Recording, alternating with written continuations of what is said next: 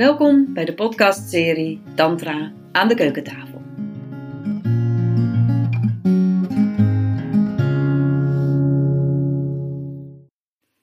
Vandaag heb ik een gesprek met Margriet van Harten en hebben we het over hoofd en lijf.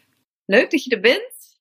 Ja. Lang geleden dat we elkaar gezien hebben. Misschien wil jij vertellen wie je bent en hoe wij elkaar kennen. Ja, is goed. Ehm, wij kennen elkaar denk ik, vanaf een jaar of acht, negen geleden. Uh, misschien nog iets langer, ik weet het niet precies. Toen ben ik wel eens bij jou geweest voor een workshop, uh, verschillende workshops. Ik was echt op zoek in mezelf toen naar hoe ik meer contact kon komen met mijn lijf, met uh, de tantrische stroom, met de vrouwelijke stroom. Dus zo kennen elkaar. Later heb ik nog een keer geassisteerd en daarna ja, zijn we elkaar ook ergens een beetje uit het oog verloren, terwijl er wel een lijntje altijd bleef. Mhm. En um, inmiddels heb ik een, uh, of, nou, ik had toen al een eigen praktijk, maar op dit moment uh, in die praktijken begeleid ik vrouwen, prikkel ik vrouwen om uh, hun, de meest wilde, ongetemde versie van zichzelf te worden. Dat is eigenlijk een hele korte samenvatting. in sessies, in workshops, in retreats, ja. in ceremonies. ja. Ah ja, dus dat is wel een verschil dat jij met vrouwen specifiek werkt en ik eigenlijk meestal gemengd. Ja. Denk ik nu. Ja. ja, dat klopt. Ja. Ik, ja. Uh, vrouwen kwamen op een of andere manier op mijn pad en ik had het gevoel dat ik daar echt uh, wat in te doen had. Uh, om vrouwen. Ik denk dat wij vrouwen daar dat we een hoop te doen hebben om echt uit ons hoofd in ons lijf te komen en uit ons keurslijf te stappen en weer wild en vrij en godinnelijk te worden. Mm. en volgens mij ging je ook een vraag stellen ja. die daar wel mee te maken heeft. Dat klopt. Vertel het. Ja, wat ik in de praktijk veel tegenkom, niet alleen bij vrouwen, is dat we uh, soms wel lijkt alsof we collectief met, allen, uh, met ons allen in ons hoofd uh, zijn gaan wonen en afgesneden zijn geraakt van, van ons lijf, van ons gevoel, van de natuur, van onze natuur. Dus daar gaat mijn vraag ook over. Ik ben toch eigenlijk elke keer weer nieuwsgierig. Wat maakt dat we zo in ons hoofd wonen en in dat denken? Allereerst. En daarna, wat is er nodig om die afdaling te kunnen maken in ons gevoel, in ons lijf, in onze vrouwelijke en mannelijke natuur? Hmm. Hele grote vraag. Ja. dus allereerst die eerste vraag. Dat, herken jij dat? En um, wat is in jouw leven de, de reden dat, dat we ja, zo in dat denken verstrikt uh, geraakt zijn? Ja. ja, ik weet nog wel toen ik je vraag las van tevoren. Toen uh, was het een waarom-vraag inderdaad. En, en ja, je vraag één, ja, ik herken het. Heel veel mensen, ook bij mij, schrijven het of melden het van ik zit zo in mijn hoofd en ik wil meer zakken in mijn lijf. Is dan meestal wat ze verlangen. En bij die waarom-vraag moest ik denken aan mijn reis naar India vorig jaar. Uh, waarbij wij ook regelmatig waarom-vragen stelden aan onze teacher ik noem maar wat, waarom is die tempel wit of zo? Of waarom doen ze het hier zo? Of waarom? En hij zei, in India stellen we die vraag eigenlijk niet. de dingen zijn zoals ze zijn. Dus daar moest ik ineens aan denken van, oh ja, oh ja een waarom vraag. Die ik zelf ook graag stel. En, en in India dan blijkbaar een ander soort cultuur, waarbij de waarom vraag eigenlijk helemaal niet toe doet. Het, het is zoals het is. Nou, ik weet niet of dat over dit thema ook zo is. En ik heb er natuurlijk ook geen uitgebreide studie of zo naar gedaan van waarom het zo is. Maar als ik natuurlijk om me heen kijk naar de samenleving of het onderwijs, um, ja, dan zou je kunnen zeggen, ja, dat krijgen we mee. Het, het, het stimuleren van het denken. Alsof we daarmee iets ontdekken. Hè, van, van, ik ga ervan uit dat een baby eigenlijk, die heeft geen gedachten. Dus die zit heel erg in wat je in Tantra noemt first order reality. Eigenlijk alles wat je ervaart voordat je er een gedachte over hebt. Dat is een baby eigenlijk een en al. En dan komt met die peuterleeftijd, komt dat denken. Um, ja, en, en wat gebeurt daar dus? Ja, dan gaan we dus, dat stuk, dat wordt heel erg gewaardeerd. En je zou bijna kunnen zeggen dat heel veel mensen, en ik zelf ook, dat op een gegeven moment ervaren als de werkelijkheid. Al die gedachten overal over um, dat dat het is. Terwijl in Tantra noem je dat dan second order reality. Dus dat is waar de meeste mensen eigenlijk de meeste tijd in zitten. In niet um, een, nou ja, kan ik zeggen, ik, ik, zonder woorden is dus ook niks te beschrijven, dus dat is moeilijk. Maar stel je hebt een banaan in je hand, ja, is het het concept banaan? Ja, oh ja, gele kleur, en oh, dit kan je eten, en oh, ik weet hoe dat proeft. Maar het is allemaal ook weten, weten, weten, in plaats van de banaan alleen maar voelen in je hand of proeven in je mond is een ander soort beleving. Die we natuurlijk wel hebben, maar tegelijkertijd een soort van overschaduwd wordt door dat hele hoofd. Een vraag die ik er eigenlijk ook nog bij heb, uh, zo in aanloop naar dit gesprek, was ik daar zo'n beetje over aan nadenken, is ik heb zelf het gevoel dat wat we meemaken in onze jonge jaren en de, bijvoorbeeld de veiligheid of de onveiligheid die we ervaren in ons opgroeien, dat die daar ook een rol in speelt.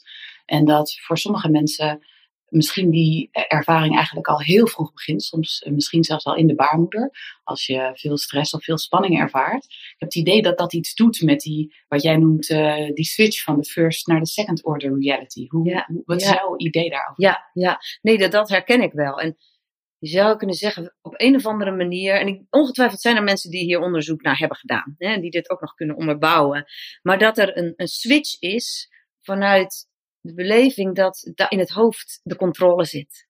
En dat we daarmee kunnen controleren en dat dat een veiligheid geeft. Uiteindelijk zou ik kunnen zeggen, is het wellicht een schijnveiligheid. Maar dat denk ik wat er gebeurt. Want dat merk ik ook dat mensen teruggeven. Van, en, en van mezelf ook. Weet je, ik stel dat ik in een ongemakkelijke situatie zit of in een workshop. Waarvan ik denk, wacht even.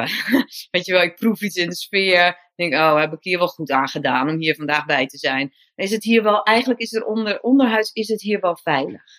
Nou, wat ga ik dan, wat is dan het makkelijkste om te doen? in mijn hoofd. Oh ja, zie je wel? Oh, die leraar, nee. Oh ja, maar... En dan alsof dat dus een soort van veiligheid geeft. terwijl een andere manier is... Wow, Oké, wat voel ik eigenlijk in mijn lijf? Wow, ik heb hartstikke buikpijn. Oké, oh, kan ik eens ademen naar mijn buik? Wow, oh, wat gebeurt hier? Oké, en wat heb ik nodig? Is dit inderdaad letterlijk een onveilige situatie waar ik uit wil, weg wil gaan. Of, en daar hebben we het hoofd, kunnen we dan ook bij gebruiken. Kan ik ook beredeneren van, oh nee Wendy, dit is gewoon een andere stijl van lesgeven, misschien anders dan jij, dus dat is even wennen. Oké, wil je het nog tijd geven? Oké, nou kijk of ik wat kan ademen, naar mijn buik. Misschien kan ik het even uitspreken als er een rondje wordt gedaan van, oh ik merk dat ik het best wel spannend vind hier. En dan is er ineens iets anders. Hè? Dus dat is letterlijk wel van constateren. Ik zit in mijn hoofd, zit in mijn hoofd. Oh ja, dat doe ik omdat het waarschijnlijk op dit moment onveilig is. Oké, wat voel ik eigenlijk in mijn lijf? Kan ik daarbij zijn? Oef. En ja, en daarbij bij die ervaring wordt het hoofd eigenlijk uh, een soort uh, metgezel. Hè? Die wordt dienstbaar aan het geheel, dienstbaar aan alle signalen die je oppikt uh, in je lijf. Ja. Wat is er voor jouw gevoel, wat is er nodig om, om vanuit dat hoofd die afdaling te maken in, zoals jij ook in dit voorbeeld beschrijft, in die fysieke sensaties, uh, in de emoties, om daar echt hmm. contact mee uh, te maken? Wat is, de, wat is voor jouw gevoel de eerste stap? Aan de ene kant zou ik zeggen, is het allemaal heel simpel. En aan de andere kant denk ik, voor jou geldt ook, maar voor mij ook, is het een hele weg. kan ik ja, pas de laatste jaren kan ik zeggen, oh ja, als ik nu vergelijk met tien jaar geleden of met vijftien jaar geleden, als je me toen vroeg, wat voel je of wat voel je in je lijf, of ook in seksualiteit, ik voelde heel weinig. Ik had dat niet zo door, want ik wist niet dat er nog meer was zo. Maar, dus ik kan wel zeggen dat het een, aan de ene kant een hele lange weg is. En aan de andere kant is het zo moeilijk om dieper te gaan ademen om te gaan schudden, jezelf even losschudden op het moment dat je spanning voelt. Um, om ander lichaamswerk te gaan doen, om meditatie te gaan doen. Waarbij meditatie in Tantra dan wel dynamischer is, of dynamischer kan zijn dan vele andere uh, meditatiestromingen. Hè? Dus je hebt natuurlijk genoeg meditatiestromingen waar je eigenlijk alleen maar zit op een kussentje. En in Tantra kan alles meditatie zijn. Dus ook de dans en, en ook het loop. Nou, loopmeditatie heb je ook. Maar ook de, ja, je had het woord, je noemde het woord wild al even, de wilde vrouw. Of ook alle wilde um, dingen die je kunt doen, kun je als meditatie doen. Dus ik denk dat zeg maar het, het lichaamswerk, het meditatie, de tantra, maar ook een heleboel dingen die daar tegenaan liggen, ademwerk, zijn allemaal niet super ingewikkelde dingen. Maar goed, je moet het gaan doen. Ja, precies. Ik was net ook zo aan het nadenken toen je dit aan het vertellen was. Ik, ik tref veel cliënten die het wel willen, maar het op een of andere manier niet voor elkaar lijken te krijgen. Of die steeds maar weer kringetjes in dat hoofd uh, blijven draaien en in zo'n oud patroon blijven hangen. Dus ik vraag me soms wel eens af, ik ben benieuwd hoe jij dat ziet. Misschien moet de wanhoop wel heel groot zijn. Of moet je er gewoon helemaal klaar mee zijn met al dat vreselijke gedenk. Om echt die stap te kunnen zetten en ja, jezelf ook in het ongewisse te durven begeven. Ja, maar het is natuurlijk wel, als ik ook naar Tantra kijk, van oudsher is dat wel een pad wat je bijvoorbeeld met een leraar bewandelt. En dat misschien best een tijd lang intensief doet. Dus ik weet niet hoe vaak mensen bij jou komen. Hè, en ja, wat hebben zij nodig om dat thuis te, te implementeren, te integreren? En ik heb gemerkt nu, hè, je hebt natuurlijk wel een beetje meegemaakt de opbouw van mijn programma zo door de jaren heen. En dat ik nu een intensive heb met drie retreats met dezelfde groep. En een heleboel tools die ze krijgen om het thuis dingen te gaan doen. En ik heb wel gemerkt dat, en het geldt ook voor mijzelf, dat ik die combinatie nodig heb van een plek, dat zou individueel kunnen zijn of bij je workshops. Thuis integreren, weer terugkomen, thuis integreren. En dat dat echt wel een pad is um, wat, wat begeleiding nodig heeft. Ja, dat herken ik wel. Inderdaad, wanneer uh, ook in mijn geval mensen komen voor sessies en ze komen daarna uh, naar een workshop die dat ondersteunt. Ze komen daarna naar een retreat. Dat is nog krachtiger, want dan ben je vijf of zes, zeven dagen, dompel je ergens helemaal in onder met gelijkgestemden. Dat precies zoals je dat beschrijft, dat dat zo'n ervaring bekrachtigt. En soms misschien een stok achter de deur is, maar vooral een grote inspirator ook is om het thuis weer op te pakken. Ja. En uh, als dat uh, niet gebeurt, dan, dan lijkt het alsof die oude patronen zo'n zuigende werking hebben, waar je zo in terugglijdt. Ja, want ik las laat of hoorde laatst over hoe de hersenen dan werken. En dat eigenlijk gewoontepatronen worden een soort geultjes, waar het water heel makkelijk doorheen stroomt. Dus, en ook gedachten, hè, die je steeds maar hebt, terugkerende, vaak dan zo'n negatieve gedachten. Als die helemaal een geultje hebben gevonden, ah, die kennen we, die kennen we. Dus dat geeft blijkbaar het, je systeem ook ah, dit. En als er dan ah, een nieuw gultje gegraven moet worden, net als in het echt, een flinke gul graven, dat kost arbeid. En dat kost, ja, hmm, energie. Ja, dat, dat, dat vraagt wel wat. En uh, ik heb gemerkt dat bij de leraar waar ik nu een tijdje bij ben, Christopher Wallace, daar kreeg ik wel behoorlijke duidelijke instructies van minimaal 24 minuten per dag. Ga zitten. En dat in die opbouw, zeg maar, in dat half, ik doe een half uur dan iedere dag, kun je dit doen, kun je dat doen, maak daar een keuze uit en doe dat een tijd. En het zou ook kunnen dat het nu voor mij precies het juiste moment was. Want het zou goed kunnen dat als ik dit vijf jaar geleden gehoord had, dat ik het drie keer had gedaan en dacht, Bleh. maar nu merkte ik het effect ervan. En dus het vraagt wel discipline ook in zekere zin. Ja. En de vraag is, wanneer ben je klaar voor die discipline?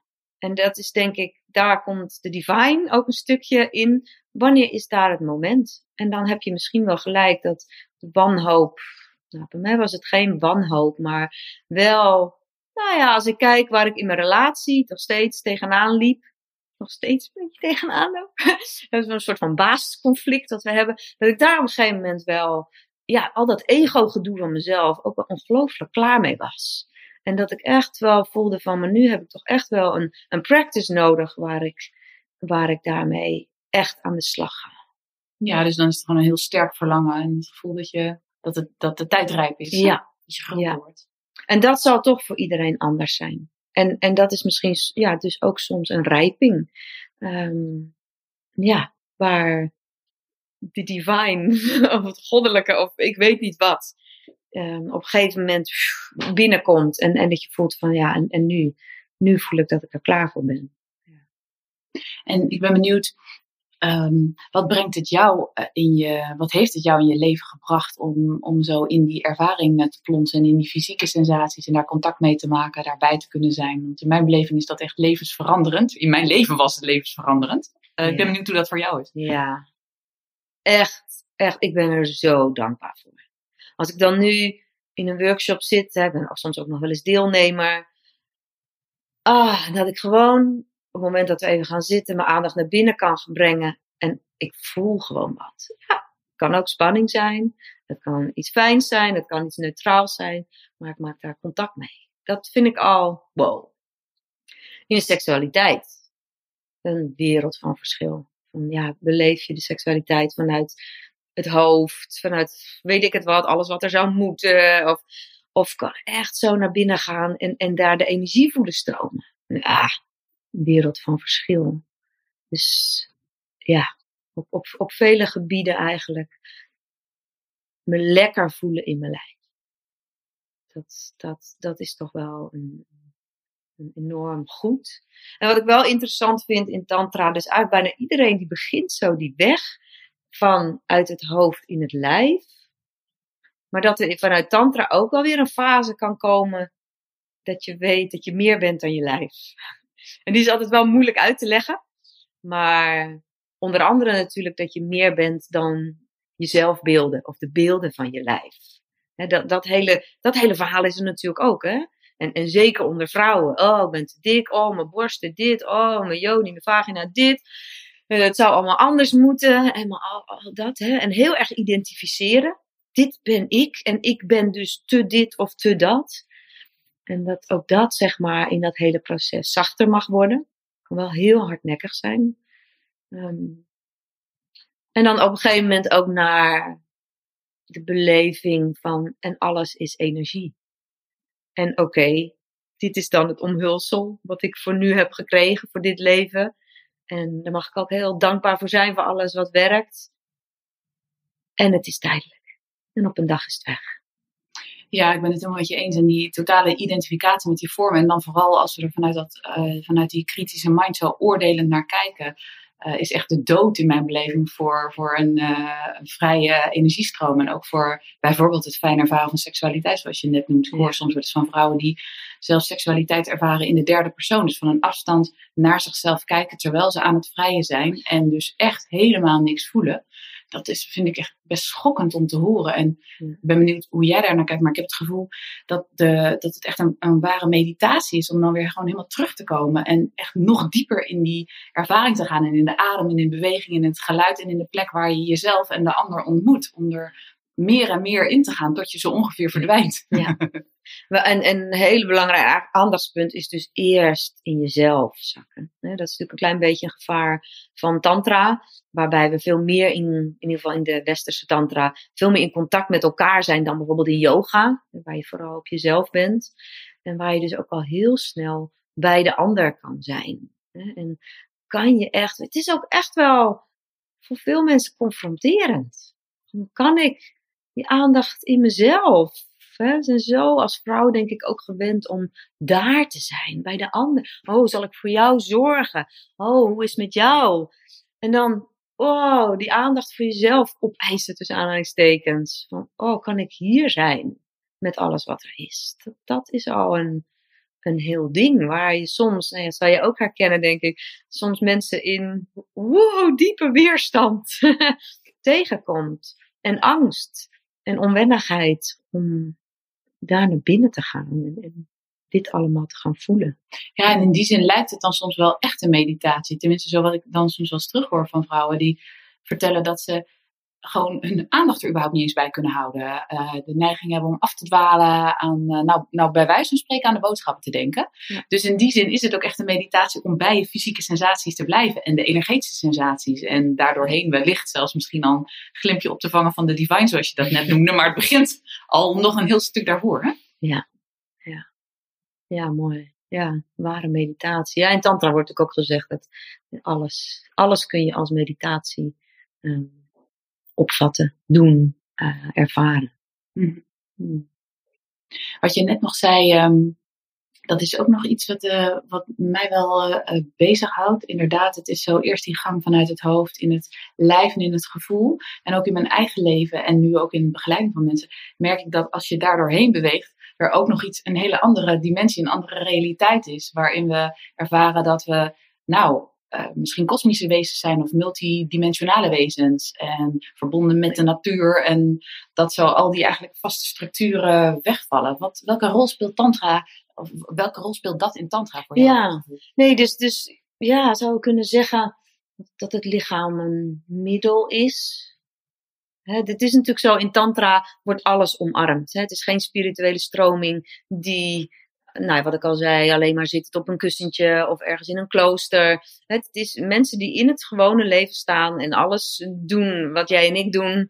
Ehm, eh, en dan het spirituele pad uh, volgen. Um, ja, dus, dus wat ik net zei is dat, dat de meeste mensen eigenlijk eerst dit maken. Maar je zou zeggen, als, als het alleen maar lichaams, droog lichaamswerk is, is het geen tantra. Dus in tantra zit die verbinding met de divine, met het goddelijke. En het goddelijke is niet een god ergens op een wolk eh, in de hemel. Maar het goddelijke is die pure energie, bewustzijn, wat we allemaal zijn. Toevallig wij dan in de vorm van een lichaam, maar alles om ons heen eigenlijk. En het zou kunnen dat in andere stromingen het pad weer anders gaat, maar voor de meeste mensen in Tantra is inderdaad eerst in dat lijf komen om dan te ontdekken dat daar nog een, een hele spirituele um, laag zo zit. En, en, en een uitspraak is, volgens mij komt die van Osho: It is through the body we reach the divine. En dat staat wel wat haaks op sommige andere stromingen. Neem even het christendom. Ik las net nog weer even over dat oude paus weer is opgestaan. en die zegt van uh, dat celibaat, dat mag echt niet uh, opgeheven worden. Dat is heilig.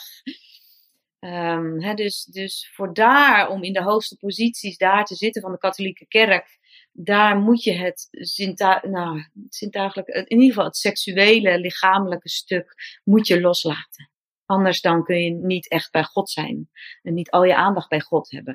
Nou kan ik me daar nog iets bij voorstellen hoor.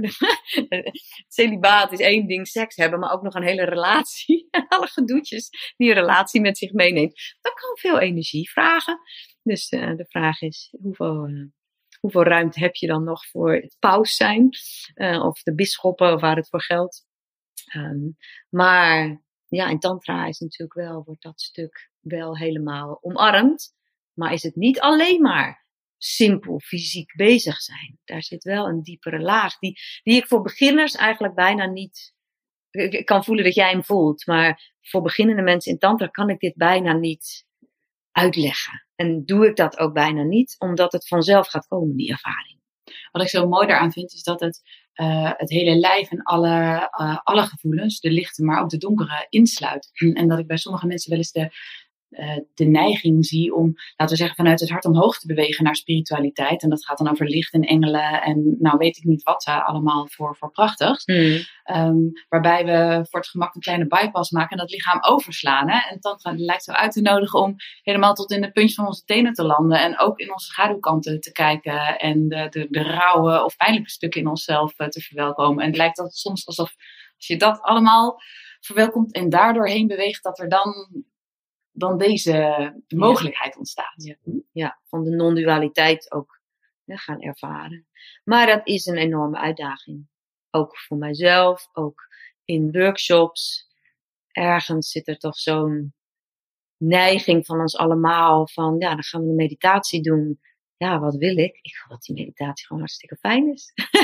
ik wil gewoon bliss ervaren.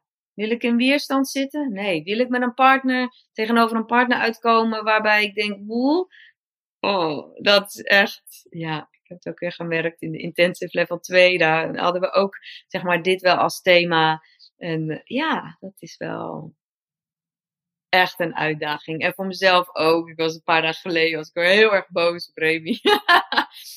en ik, ja, oh, oké dit is gewoon oké. Ik ben gewoon boos. Het mag gewoon. Dit is, mag ik ook helemaal omarmen.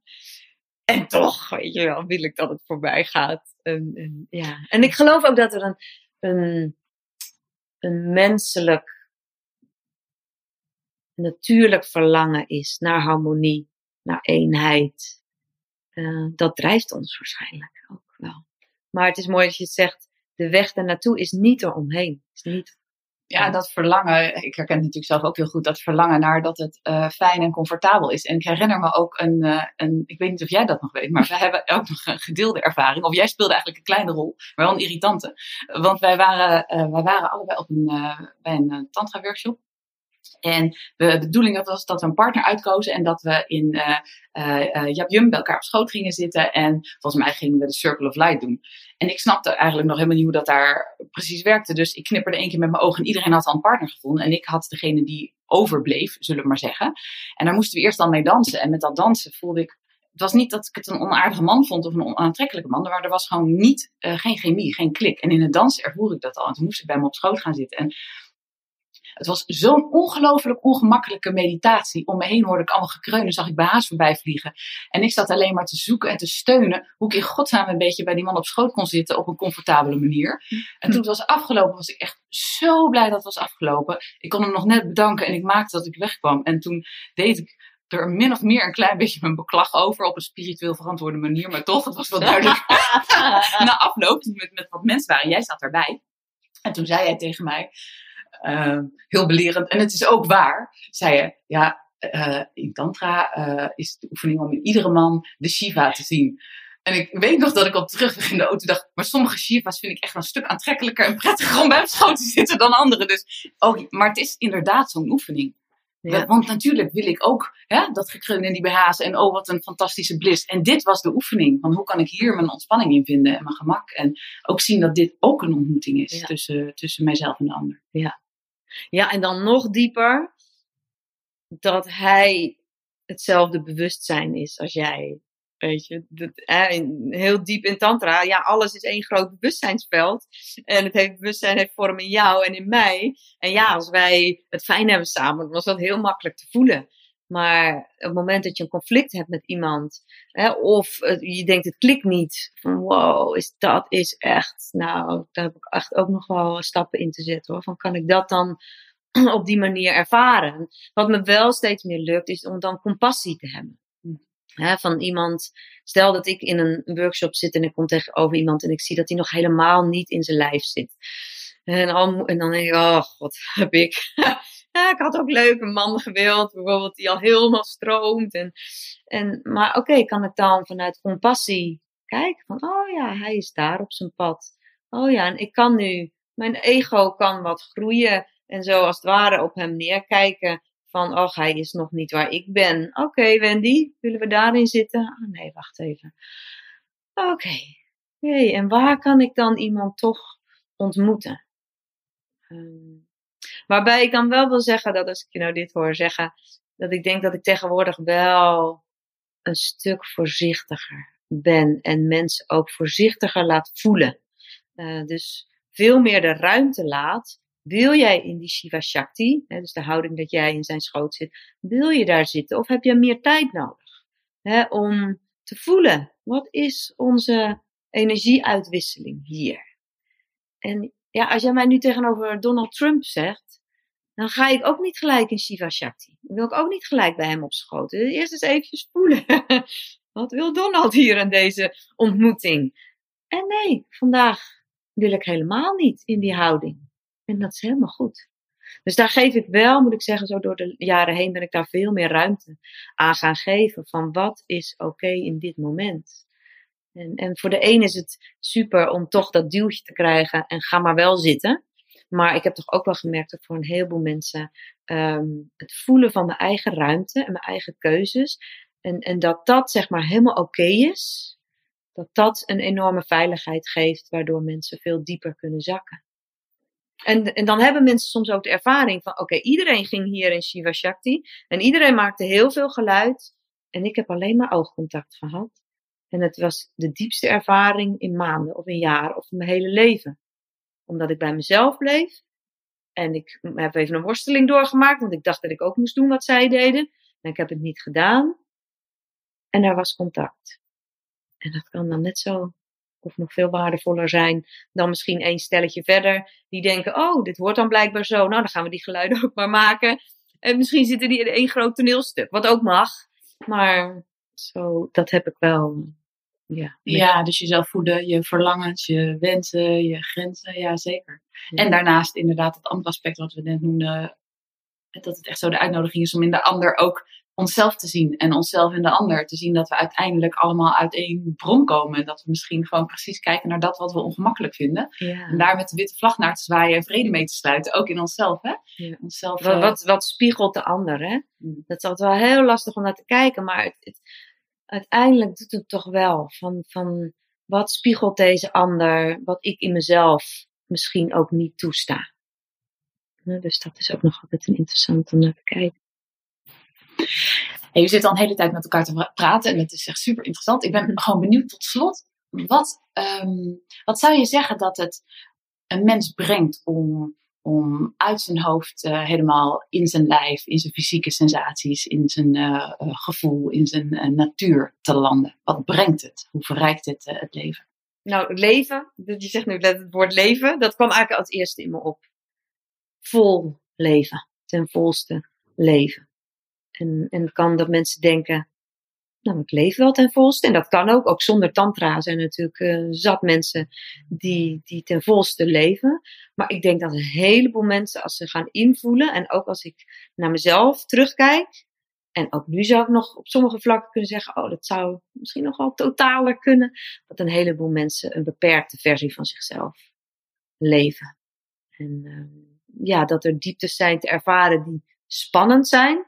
Ik bedoel, voor, voor de meeste mensen zijn zeker de eerste tantra, tantra workshops spannend. Wow, gaan we hier bewegen? Wow, gaan we hier geluid maken? Gaan we hier dieper ademen? Gaan we hier oogcontact maken? What the fuck? Spannend. Maar ja, als ik terughoor van mensen, zeker mensen die langere trajecten doen. En ik denk dat jij dat herkent bij vrouwen. ehm, van wow, ik, ik, ik leef weer. Leven. Ja. Wild en vrij en ongetemd. ja! Ja, en, en ongetemd, ja. En tegelijkertijd hebben we ook altijd het leven waarin we ook rollen hebben. En die kunnen we ook met een glimlach op ons nemen als we misschien even in een ruimte zijn eh, waar het ongetemde misschien weer niet helemaal kan. Maar dan, dan innerlijk kan dat er helemaal zijn. Kijk, of het er uiterlijk altijd is, dat, dat weet ik niet. En dat hoeft denk ik ook niet. Maar als je van binnen een enorme vrijheid kan voelen, of in ieder geval de mogelijkheid tot vrijheid. Want het zijn ook weer momenten, ook als je al helemaal weet hoe je vrij en ongetemd kunt leven, dan altijd baf zijn er weer momenten waarin je in verkramping gaat. Maar dat je dan weet dat er dat andere ook is en dat het er mag zijn, dat je brengt. Ik denk dat het wel een enorme rijkdom is, wat, nou ja, denk jij ook, wat je iedereen gunt. Oh yeah. Mooi, dankjewel voor dit gesprek. Leuk. Ja, fijn. Dit was weer een podcast in de podcastserie Tantra aan de keukentafel. Wil je meer weten over mij of over Bliss Your Body? Kijk dan op www.blissyourbody.nl